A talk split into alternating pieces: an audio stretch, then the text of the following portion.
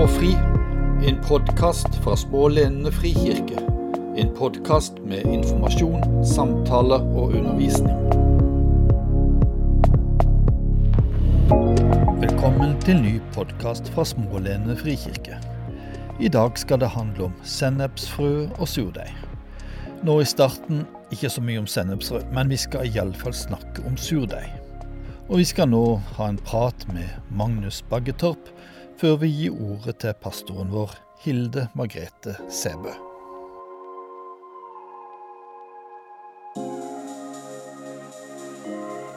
Men Magnus, eh, hva er din erfaring med surdeig? Ja, vi bruker det baker brød til jul. Har vi brukt uh, bakt surbrød. Og da har vi jo det i deigen i stedet for gjær når vi baker. Kan du bare kort fortelle, hva er en surdeig? En surdeig er vel en sånn bakterie eller en liten deigklump som det er uh, en sånn bakteriekultur. Så når vi har den i, i en vanlig brøddeig, så fungerer den litt sånn som gjær får det til å mese og, og heve. Er en ganske liten deigklump, og så legger den i, tar den i en stor deig, og så blir hele deigen Så surner det. I teksten til søndag så la denne kvinna inn eh, surdeig i tre mål mel. Og så leste jeg et sted at tre mål mel det er ca. mellom 25 og 30 kilo mel. Denne surdeigsklumpen har altså påvirka og fått 30 kg kilo mel til å vokse? Ja, vi bruker tilbake til 10 kilo uh, i en deig som vi bruker å sette. Og da Det gir ca. 30-40 brød. Og da, da surner hele. Det er ikke store klumpen av surdeig som vi har igjen. Men Magnus, hva tror du Jesus mente når han snakka om denne surdeigen som preger hele denne deigklumpen? En sånn deig ser jo ikke så stor ut, så er, eh, men man påvirker jo veldig hele deigen når den er, når den er heva ferdig. Den lille surdeigen som du snakker om, den får hele denne deigen til å vokse.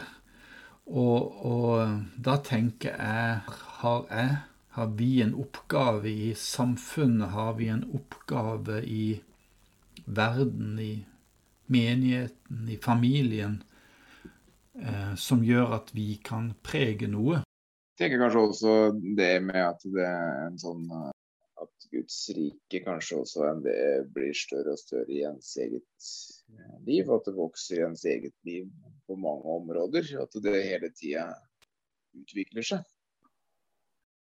at det, at det, at det vokser i omfang og ja, at det vokser. Men den, den, den surdeigen, Magnus, er det sånn at du, du bruker en liten del av en større klump, er det sånn? Før vi baker, så mater vi den opp, og så og så tar vi ut en del sånn som vi putter i den store deigen. Og så fortsetter den også å leve, leve oss den kulturen som vi kan, Kulturen kan ha, være kjempegammel. Den vi har nå, er halvannet år gammel. Men nå er du inne på å mate, å mate denne surdeigsklumpen. Uh, og da tenker jeg um, Vi som surdeig i verden, Magnus, så må vi mates for at vi etterpå kan være en surdeig og prege noe rundt oss.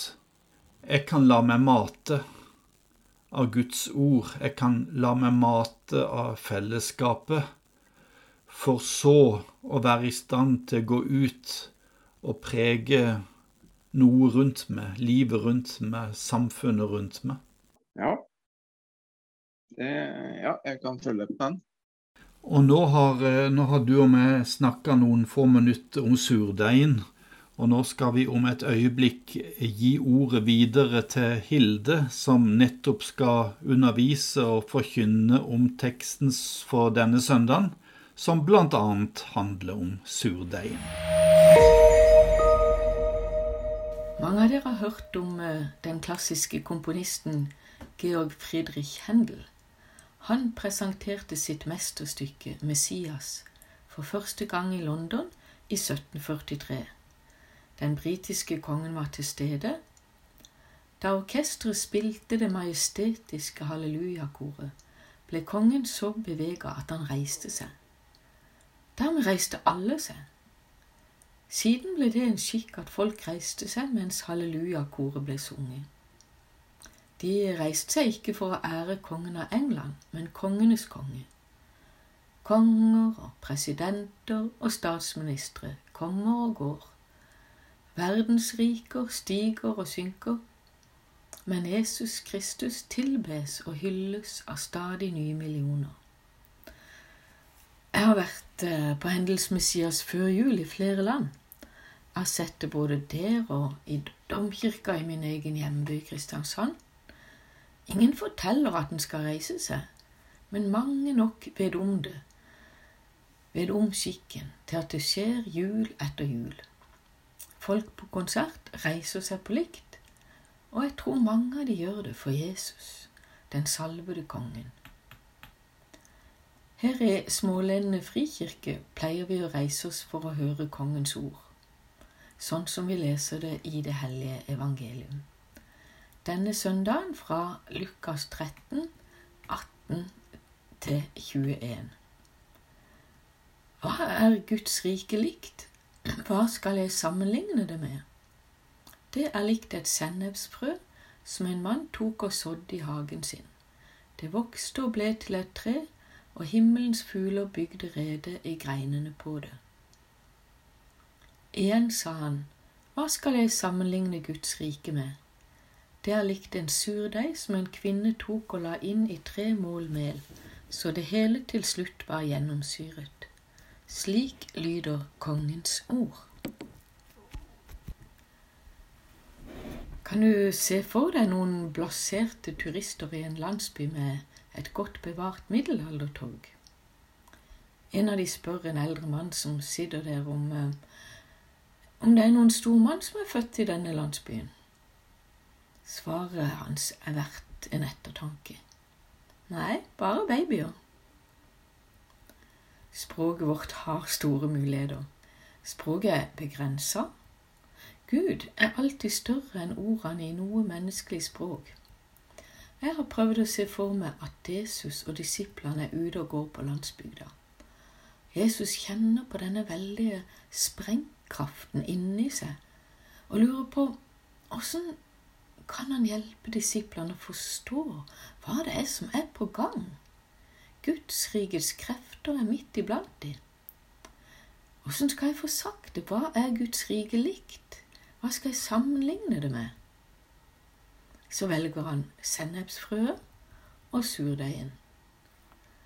Det går 750 sennepsfrø på ett gram. Planten kan bli nesten fire meter høy. Det er høyt, men ikke i forhold til et morbærtre eller et sedertre tilhører han skjønt nok at når Jesus sier at det blir til et tre der fuglene bygger rede, så sprenges bildet. Selv om stengelen kan bli tykk som en arm, så blir det jo neppe plass til særlig mange fugler på toppen. Derimot kan det være de hører et ekko fra profeten Esekiel sine ord i kapittel 17, vers 22 23. Så sier Herren Gud, jeg tar selv en kvist av toppen på en høy seder, fra de øverste greinene river jeg et fint skudd og planter det på et fjell som rager høyt. På Israels høye fjell planter jeg det. Det skal få greiner og bære frukt og bli til en prektig seder.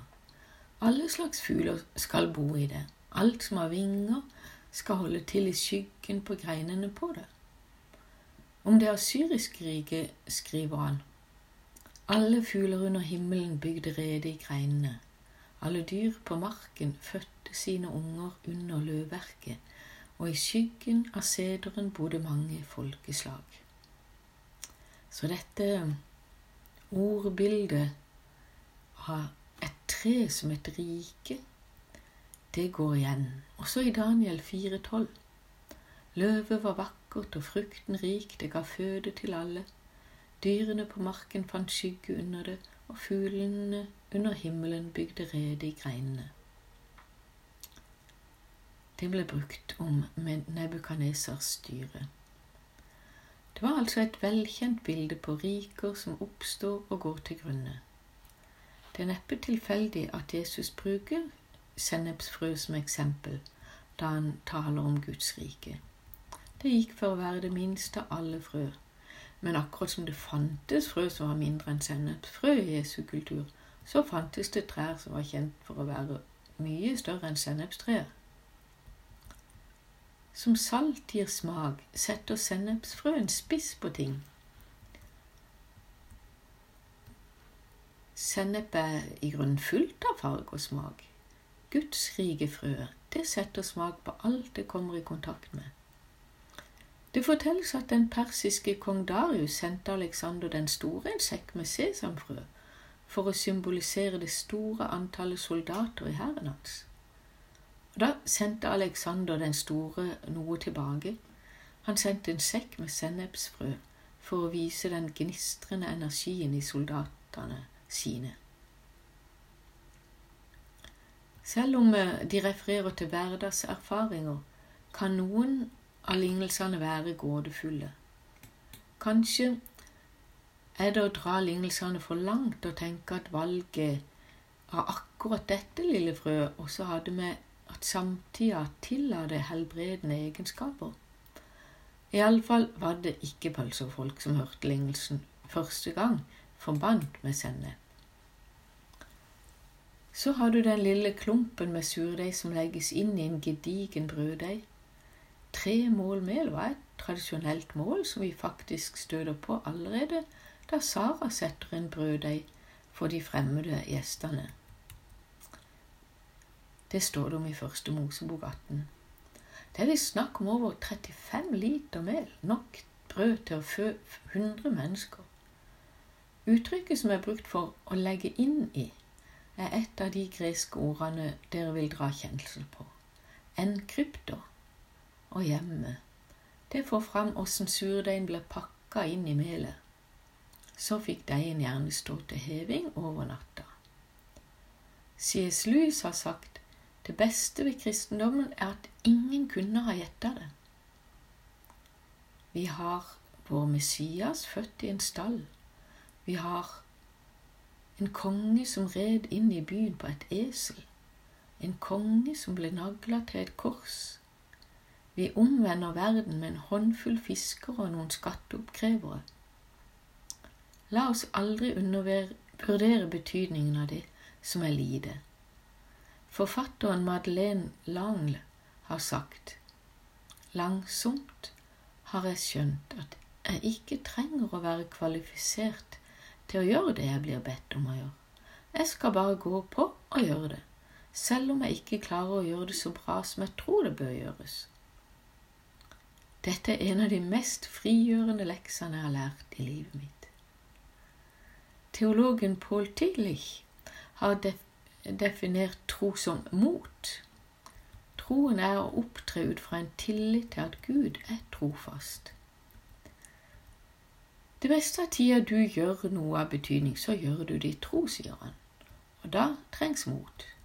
Mot til å gå inn i ei ukjent framtid til tross for tvil og frykt mot til å gjøre det rette også når du skjelver i knærne, mot til å fortsette å gå også når du har lyst til å gi opp.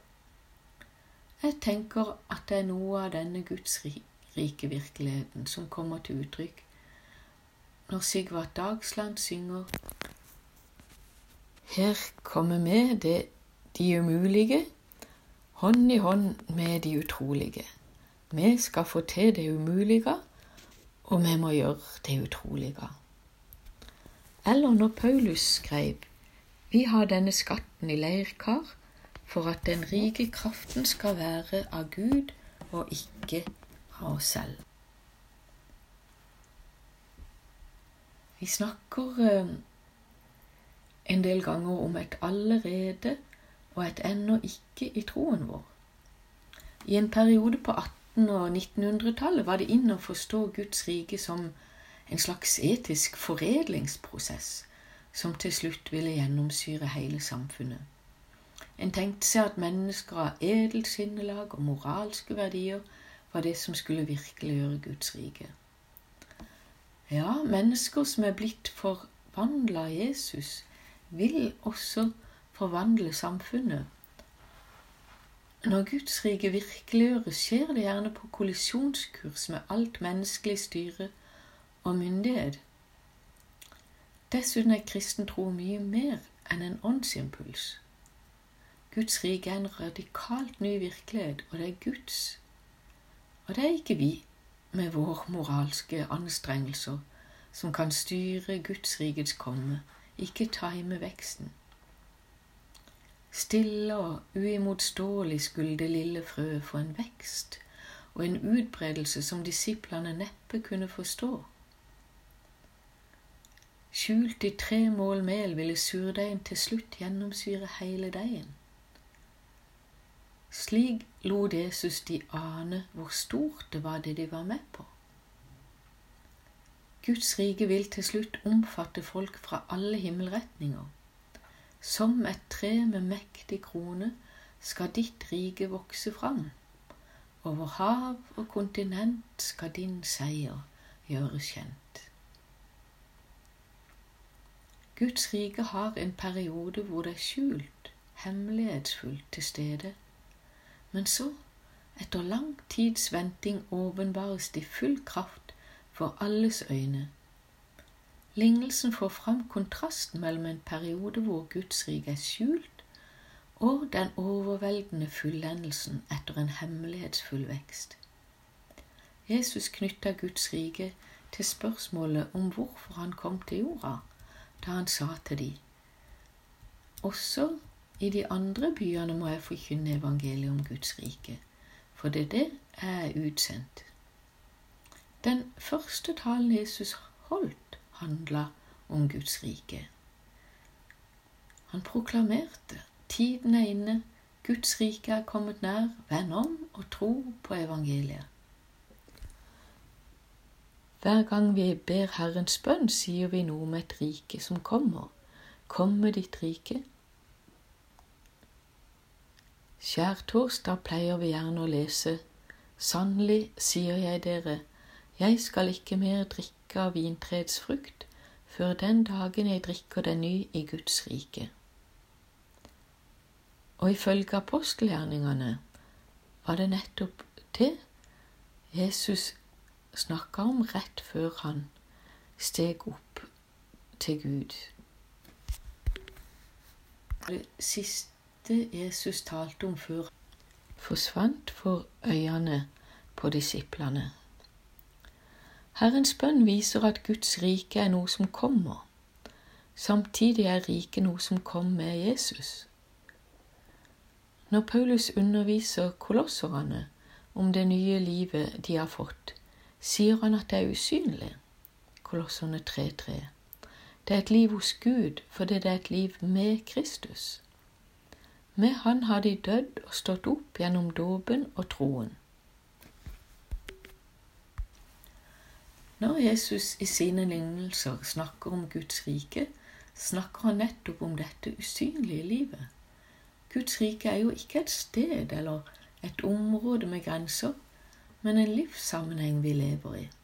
Et usynlig liv med Kristus hos Gud.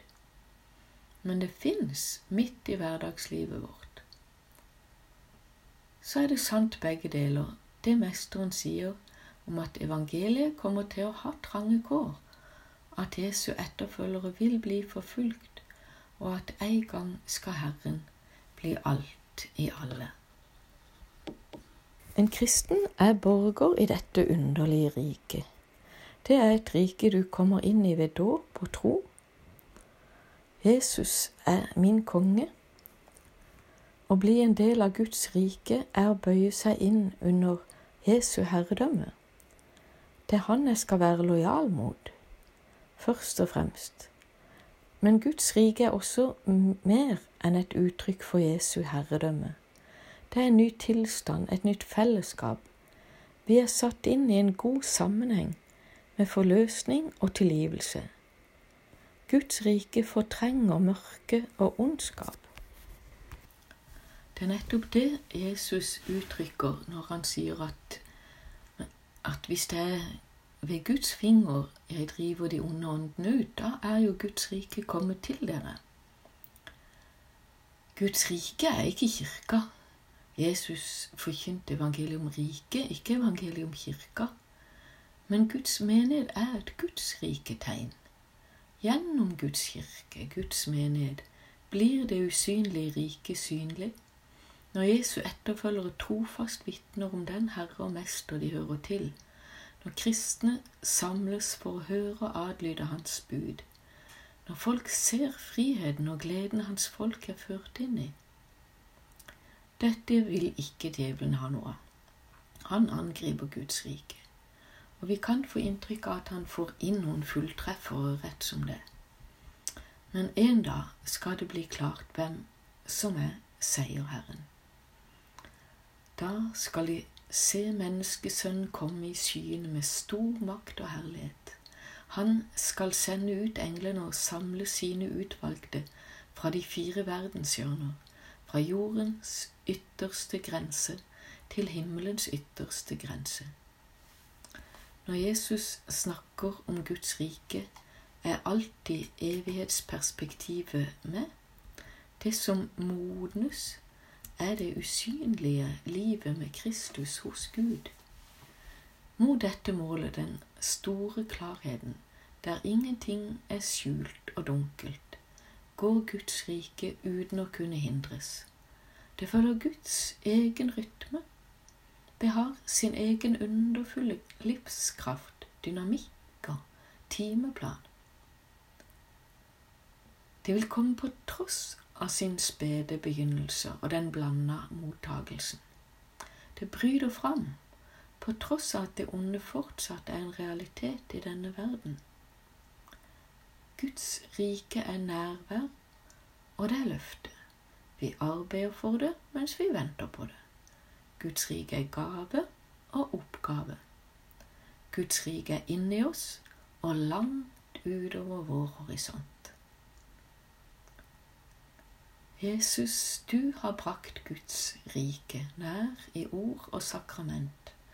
For dets makt må Satan vike, troens djerve ild er tent. Nakent kors og åpen grav er de seierstegn du ga. Ære være Faderen og Sønnen og Den hellige ånd, som var i begynnelsen, så nå og alltid, en sann Gud fra evighet til evighet. Amen. Da takker vi Hilde for undervisninga denne søndagen, og vi takker Magnus Baggetorp for at han vil være med oss. I dag har vi blitt oppmuntra og utfordra til å leve et liv, usynlig, men merkbart liv, i denne verden. Og så håper vi at vi snart får møtes igjen oppe i kirka vår på Høytopp fort. Eller så møtes vi kanskje snart igjen her på podkasten. Ha en fin søndag.